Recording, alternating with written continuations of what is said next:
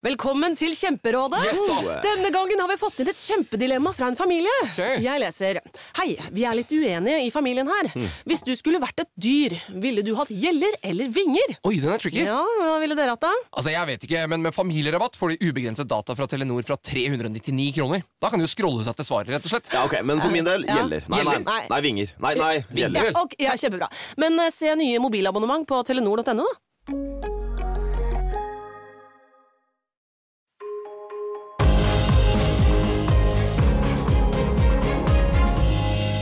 Hallo og hjertelig velkommen til en ny episode av Anfopodden.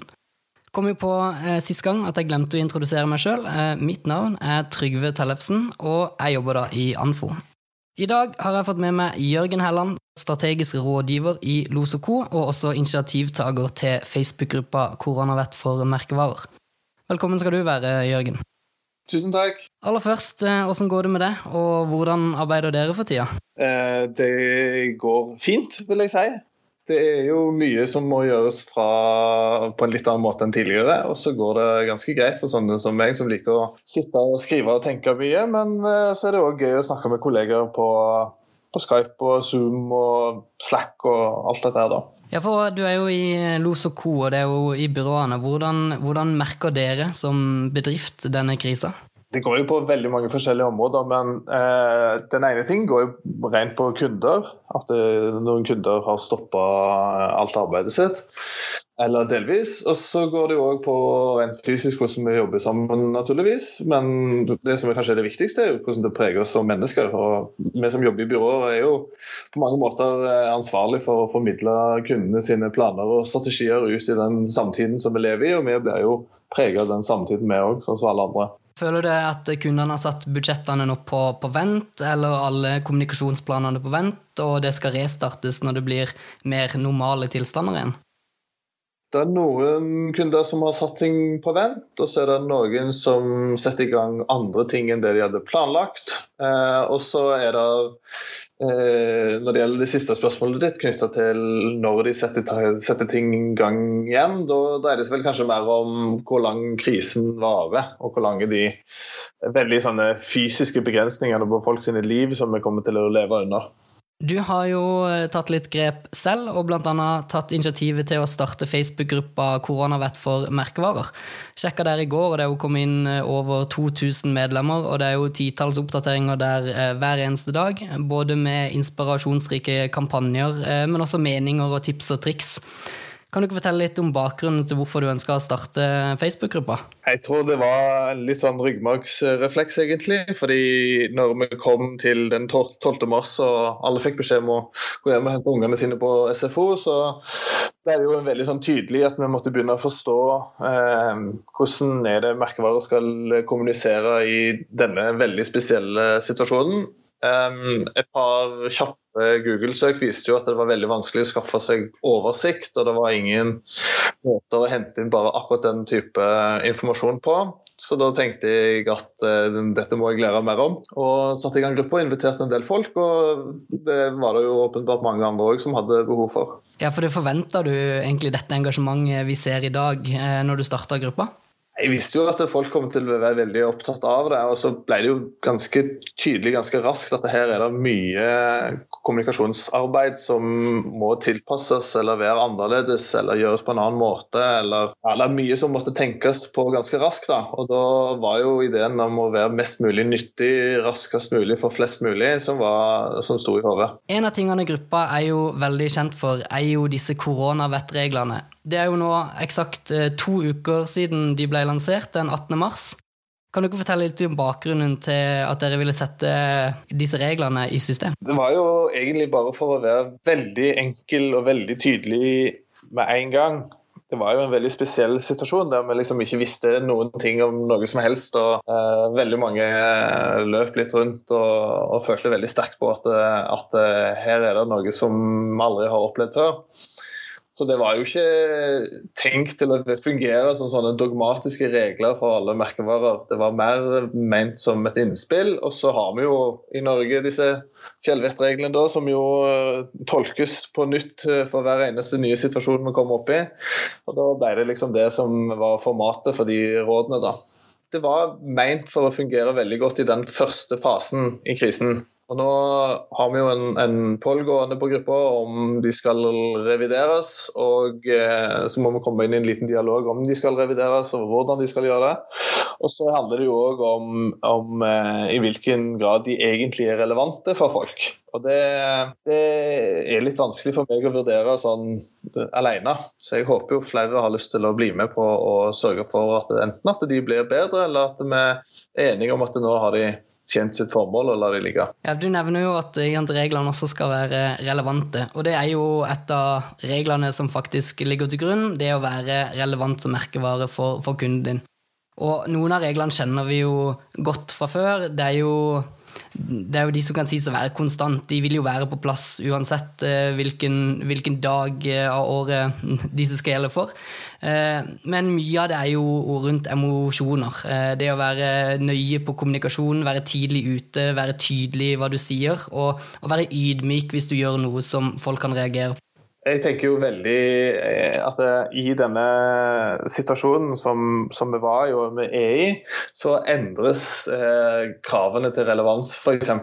Eh, at det er lett å tenke seg f.eks. Hvis du jobber med digital markedsføring, så blir jo relevans ofte veldig mye målt opp mot enten konteksten eller søkeordet eller hva brukeren har klikka på tidligere. Men nå i en spesiell situasjon så er, handler relevans òg om hva er det folk opplever på utsiden av den utsiden av av internett, for å si det på den måten. Så, så jeg føler at den relevansdiskusjonen den kommer vi hele tiden til å ha gående fram og tilbake, og at han sannsynligvis er annerledes nå enn han var for to uker siden. Vi skal jo snakke litt eh, etterpå om eh, hvordan merkevarene har opptrådt eh, den siste tida. Men kan det også være en idé å ikke kalle det regler heller fremover, men heller kalle det løsningsforslag, og kunne sette opp mulige tips og triks til hvordan de ulike målgruppene eller kundegruppene mm, skal respondere? Kan det være noe for, for gruppa å ta initiativ til? Ja, det vil jeg tenke at det er omtrent det mange bruker litt ressurser og krefter på allerede i dag. Eh, det som er utfordringen med disse gruppene på Facebook, er jo både at de er veldig vanskelig å holde oversikt over og vite hva det er som allerede har blitt lagt ut, og så er det òg det at eh, at det, det er sånn forsinkelse i systemet. da, Sånn at nå eh, så diskuterer vi jo ting som har, liksom har, kommet til oss på et eller annet vis gjennom internett, men som egentlig viste seg å tilhøre i et annet land på et annet stadie i krisen. Eh, og så diskutere det opp mot en relevans i Norge, om man liker det eller ei, blir ofte litt sånn vanskelig. da. Så jeg ser helt klart denne behovet for å være veldig tydelig på gode råd, men jeg ser òg utfordringen i å gjøre det i en sånn en type crowdsourcing-setting eh, eh som dette. da. Er det et mål for at gruppa skal bli størst mulig, eller ønsker du at det skal være en liten sirkel som kan diskutere og, og debattere seg imellom? Jeg tenker at det må nesten eh, de som er medlemmer i gruppa finne ut av hva de sjøl har nytte av av eh, i den gruppa. Så jeg har ikke noen tanker om hvor stor eller liten den bør være. Men det som jeg i hvert fall eh, har reflektert litt over eh, siden jeg satte den i gang, er jo at det ser jo ut som det er stort sett folk som jobber med dette. Så det er ganske sånn Det er jo egentlig sånn på, på både tema og, og medlemsplasser så ser det ut som en ganske smal gruppe. Det er jo ikke eh, alle som har en eller annen mening om en eller annen reklame som går inn der. Det er folk som sitter med disse utfordringene hver dag, og det er jeg jo veldig glad for.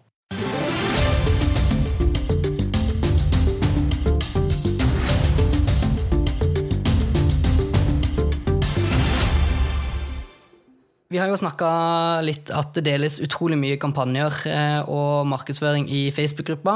Og allerede tidlig i denne krisen tok jo flere norske selskap grep. Eh, I begynnelsen var det jo veldig mange som var ute med å kommunisere prosess og tiltak og sine egne smittevernregler, og fulgte da myndighetenes råd. Og så har det jo gått fort over til å begynne å kommunisere løsninger ved disse stengningstiltakene som kom til. Og for flere små selskaper så gikk jo gjerne kommunikasjonen fort over til å eh, snakke om eh, kjøp av gavekort eller oppfordre til å bestille timer frem i tid, sånn at de kunne se et lys i tunnelen. Tror du oppfattelsen av de norske merkevarene som, som har gått veldig synlig fram eh, i dette, har blitt, har blitt, bedre? Og tror du kanskje tilliten fra forbruk og ståsted eh, øker med at merkevarene velger denne ærlige approachen?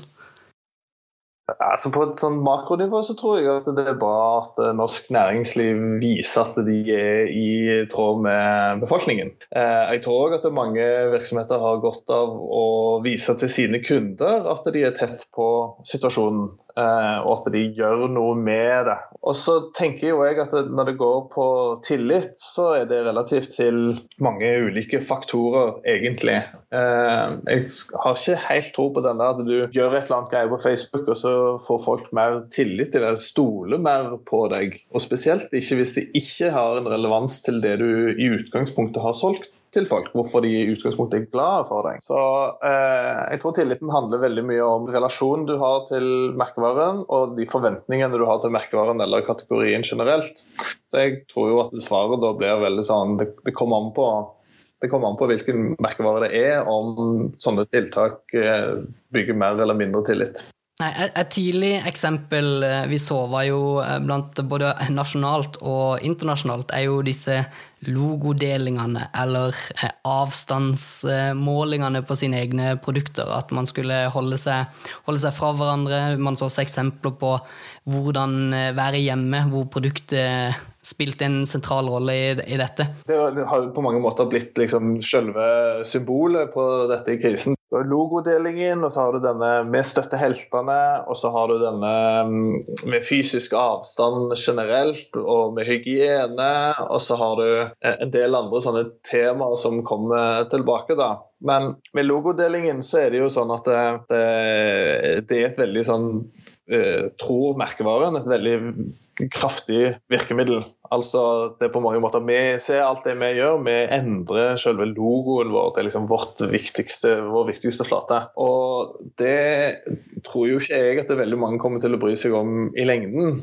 Eh, men at det kan vise at de eh, gjør noe akkurat nå, det, det tror jeg på.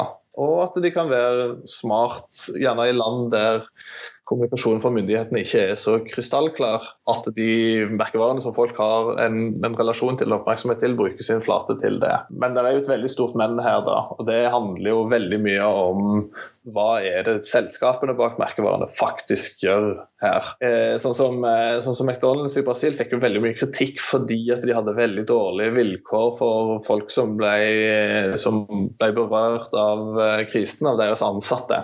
Og Dermed så ble tiltaket med å dele logoen opp eh, oppfatta som et ganske sånn tynt forsøk på å gi en relevant stemme inn i en krise, når de ikke tok vare på sine egne. på den måten. Det, det, tror jeg vi skal ha ganske mye respekt for, og jeg tror at mange fagfolk blir ganske provosert når de ser denne type liksom, det de oppfatter som tomme tiltak. Da. Ja, Det handler jo litt om eh, Vi har snakka om relevans eh, tidligere, og jeg føler man kan se på det på, på to måter. Den, er du relevant for denne krisa vi er inne i, eller er du relevant relevant for din egen kunde? Spørsmålet er jo egentlig sånn Skal du være relevant for denne krisen? Det er jo et viktig poeng. Nei, ikke sant. For nå er vi jo to uker inn, og vi har jo sett nesten alle har, Jeg vet ikke om de har følt at de har måttet gjort det og blitt med resten av gjengen. Og og delt opp sin logo eller oppfordra til å, å, holde seg unna. Vi, vi er jo blitt pepra som forbrukere om den informasjonen, ikke bare fra et markedsføringsståsted, men fra myndighetene sitt eh, ståsted og, og politikerne sitt, eh, sitt, perspektiv. Ja, og jeg vil jo også legge til at Vi har jo også blitt lært opp til at, eh, at merkevarer skal ta del i sånne udiskutabelt gode kollektive eh, situasjoner. Eh, med Pride som kanskje det aller beste eksempelet. Der eh, nesten hvem som helst eh, finner en måte å, å kle seg i regnbueflagget på. Ja, og så altså, altså, føler jeg Vi kan jo ta egentlig til grunn at vi som sitter hjemme, eller forbrukerne som sitter hjemme, de skal jo fortsatt kjøpe produkter. De skal jo fortsatt leve sitt liv så normalt som mulig, selv med de begrensningene som jeg, jeg kommer på. Og sånn som jeg ser det, så har jeg full respekt for de selskapene som markedsfører seg og, og viser at de tar eh, tiltak innenfor smittevernspregning. Eh, det jeg bare ønsker, er at eh, det skal være i tillegg til den normale kommunikasjonen, ikke istedenfor. Ja, det er, en, det er jo en god inngangsvinkel, det. Men alle som jobber med, med merkevarer, som, du, som, som, som vi vet, veldig mye, vet, veldig mye, om, handler jo i stor grad om prioriteringer. Hva er det du velger å dytte ut, hva er det du velger å bruke ressursene, og hva er det du velger å bruke oppmerksomheten din på. Eh, og i lys, det, i lys, av ditt poeng, så er det jo en ganske sånn interessant diskusjon der om det er viktigere å, å snakke om produktene og verdiforslaget slitt, eller om du skal vise at du er en del av situasjonen, eller om du skal la være å gjøre begge deler. Ja, Noen eh, merkevarer som jeg syns faktisk har klart dette på, på, en god måte, det med å ivareta sitt eget brand samtidig som de kommuniserer de, de tiltakene som vi gjør, er jo bl.a.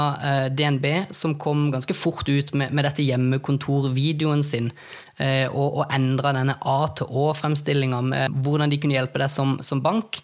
Eh, I tillegg var jo bl.a. Ruter, det er jo flere av kollektivselskapene i Norge som har gjort dette, lagde litt humor på hvordan rutekartet skulle se ut, og hadde jo en hel fremstilling av stua di for at du kunne føle som normalt å ta kollektivt til, til jobb. Og så har du jo bl.a. Telenor og Kanal Digital, som har eh, tjenesten TWE, eh, hvor den nye funksjonen er at du kan se film sammen, men alene. Jeg synes det er mange interessante eksempler. og så tenker jeg at de, De som kommer til å lykkes best i dette, her, er jo nettopp der den relevansen spiller inn i det som gjorde at folk var glad i de merkevarene i utgangspunktet. Eller hvorfor folk kjøpte de i utgangspunktet. Eh, at de på en måte klarer å bygge ut istedenfor å erstatte. Uh, og Det, det syns jeg du gjør en god sak utover her. altså. Um, sånn som DNB, da, det er jo et utrolig komplekst case i det hele. Uh, der de både har gjort tjenesten hjemmefra til lås, som de kaller en, en tjeneste, uh, eller en sammensetning av tjenester, eller et kommunikasjonskonsept.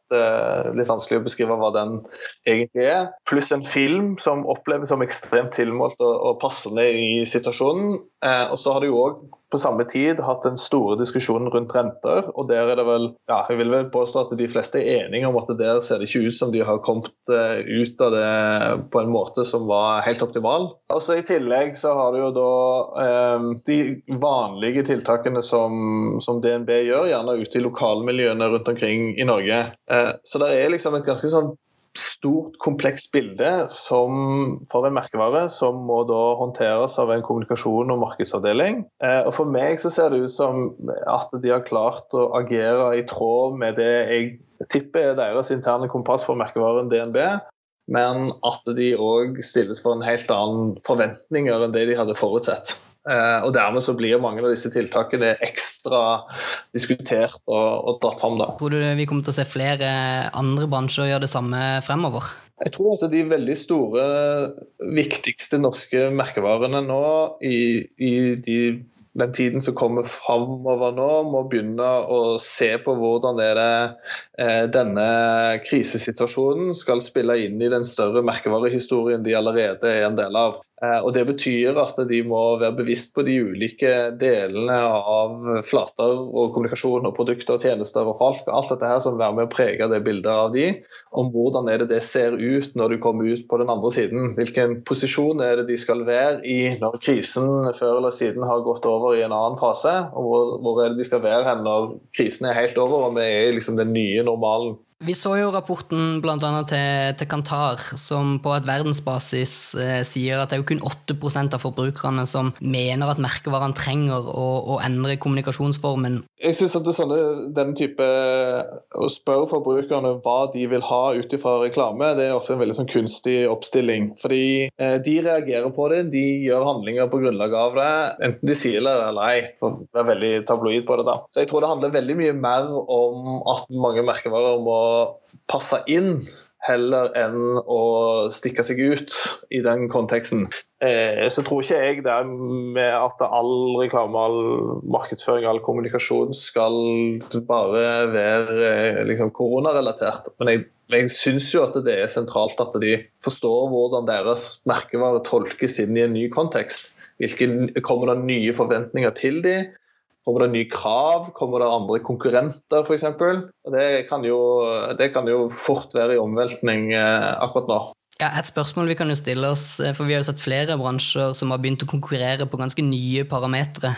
Eh, der var jo dagligbransjen som vi kan bruke som et godt eksempel her, som har hatt tidligere en hard priskonkurranse. Nå det, har det jo nærmest blitt eh, konkurrering i hvem som har de beste smitteverntiltakene i sin butikk. Ja, de, de konkurrerer på trygghet, plutselig. Et, et, et kriterium som ingen av oss eh, tenkte over for en måned siden. Og vi, og vi, kan jo dra det videre til å nevne Dette er jo en del av convenience-biten som, som, snakkes om i faglig sammenheng. Det er jo der for å få inn det forbrukerperspektivet at man skal, man skal føle seg ivaretatt uh, gjennom den kjøpsprosessen man skal gå gjennom, uavhengig. Det som blir interessant, er jo å se på alle disse bedriftene som har starta et digitalt fokus. De har kanskje snakka om å lansere en nettbutikk i mange måneder, eller kanskje flere år òg, for å få dette på plass. og klarte å, med gode samarbeid, eh, lage nettbutikk på, på en uke.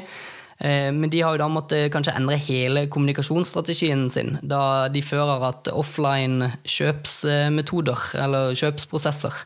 Nå skal det da være et online-fokus. Et spørsmål jeg stiller meg, er jo hvor lenge kommer dette til å vare? Kommer dette til å bli et fast uh, fremover? At noen av de offline kjøpsprosessene kommer til å forbli digitale, eller er det da bare en midlertidig oppsett nå i, i denne krisa?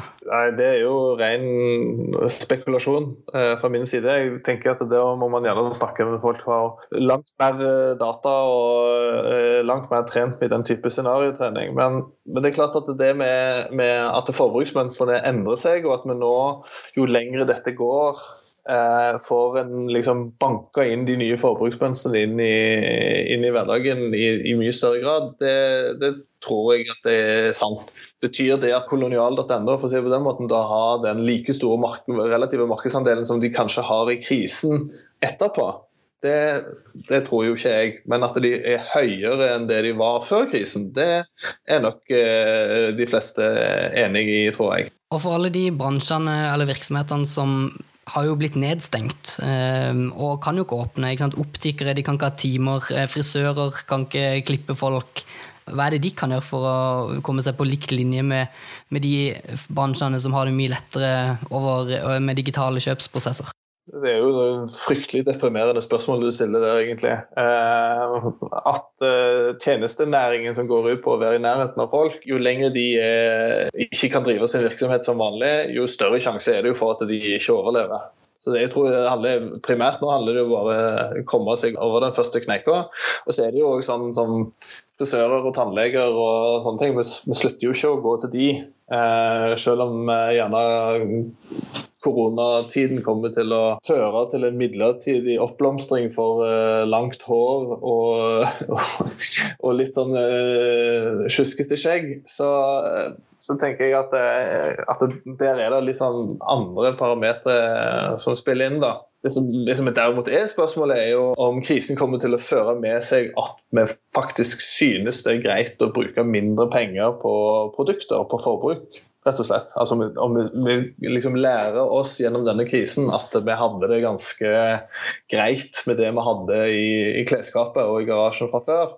Litt av de signalene som man kan lese ut fra det som skjer med sportsbransjen, er jo kanskje i tråd med det at vi faktisk eh, har litt for mye. Og vi trenger litt mindre egentlig for å ha det greit. Det er jo et, egentlig et veldig godt poeng du tar opp der i forhold til det med, med forbruksvaner. og noe jeg regner med, når dette er over, så vil jo kanskje den opplevelsesbaserte bransjen få et kraftig vekst. En eh, ting som debatteres mye for tida på, på, Facebook, er jo sommerferien. Og flere diskusjonsgrupper der har um, tatt initiativet og tiltaket til tilbring sommeren din i Norge. Og Visit Norway kom jo i går med sin uh, til vi ses igjen-video, som er jo en, en, ganske rørende video av et tomt Norge. Men eh, vi står støtt, og vi kommer tilbake. Jeg kan jo tenke Jeg bare si litt om den, den uh, Visit Norway-filmen. Altså, jeg tror jo at den tonen og nostalgien og lengselen og eh, avmålte stemningen som du finner i den, eh, den filmen der, det kommer vi til å se veldig mye av framover. Eh, jeg tror at vi kommer til å skal holde, sitte enda nærmere med vår nærmeste gjennom påsken. for å si det på den måten. Og så tenker jeg at, at, eh, at det, er noen virksomheter som er naturlige at man kommer til å trekkes mot når situasjonen er som den er, og noen kommer til å eh, tjene mer penger på at folk har mindre penger, for å si det på den måten. Og de som jobber med det, de er nok ganske klar over det. Det som er veldig sånn avgjørende, tror jeg, er jo hvordan er det vi ser ut som på sånn samfunnsøkonomisk nivå når vi kommer ut på høsten i Norge. Altså, eh, Hvordan er egentlig cashflowen til folk flest i Norge da? Eh, det syns jeg er veldig vanskelig å vite, det vet det sikkert noen andre mer om. Men det er den type eh, input som merkevarefolkene er nødt til å få inn for å vite hvordan de skal jobbe med dette her framover. Hva er det de skal planlegge etter? Vi klarer ikke å besvare alt, og det er jo fortsatt mange spørsmål om hvordan tida fremover blir. En ting vi i hvert fall kan enes om, at det blir spennende fra alle mulige perspektiv å følge med på, på hva som skjer. Særlig i form av eh, hvordan merkevarene kommer til å jobbe med sin kommunikasjon. Det er helt sikkert. Hvis du tenker vår lytter skal ta med seg tre tips fra dagens episode, hva skal de være? Å, det var et godt spørsmål. Jeg tenker at eh, Hvis du jobber med kommunikasjon og markedsføring, så er det jo alltid smart å være der som dine målgrupper er, sånn personlig. Og spesielt nå når ting går så veldig fort. Så Det er vel kanskje det ene. Prøv å med deg den konteksten de ser. Så Den andre tingen er eh, tror jeg at alle må begynne å skaffe seg et visst sånn mentalt bilde for hvordan Norge ser ut eh, fra nå av og ut året. Du skal lage ting, ting skal ut. Det er selskaper som skal gå videre. Vi skal komme gjennom dette tingen her, og da må vi planlegge for den konteksten. Og så tror jeg det siste tipset må være å ta vare på seg sjøl og de rundt seg. Og det inkluderer òg selvfølgelig kollegaer og kanskje òg konkurrenter, til og med. Det syns jeg var tre meget eh, gode tips. Da vil jeg si tusen takk eh, til deg, Jørgen, for at du tok deg tid til å, å prate litt med, med meg. Okay. Så setter vi fortsatt pris på tilbakemeldinger. Eh, liker du det du hører, så er det jo bare å trykke 'abonner' i den podkast-tjenesten du hører oss på, så får du oss opp i feeden din når vi kommer med nye episoder. Og som vi sa sist gang, har du tips til hva vi skal snakke om, hvem vi skal snakke med, så send en mail til meg på trygve.anfo.no. Tusen takk for i dag. Velkommen til Kjemperådet! Yes. Denne gangen har vi fått inn et kjempedilemma fra en familie. Okay. Jeg leser Hei, vi er litt uenige i familien her. Mm. Hvis du skulle vært et dyr, ville du hatt gjeller eller vinger? Oi, den er tricky. Ja, hva ville dere hatt da? Altså, jeg vet ikke, men Med familierabatt får du ubegrenset data fra Telenor fra 399 kroner. Da kan du scrolle seg til svaret, rett og slett. Ja, ok, Men for min del Ja. gjeller. Nei, nei, nei, nei, vinger. Nei, nei, Ja, okay, ja, kjempebra. Men eh, se nye mobilabonnement på telenor.no, da.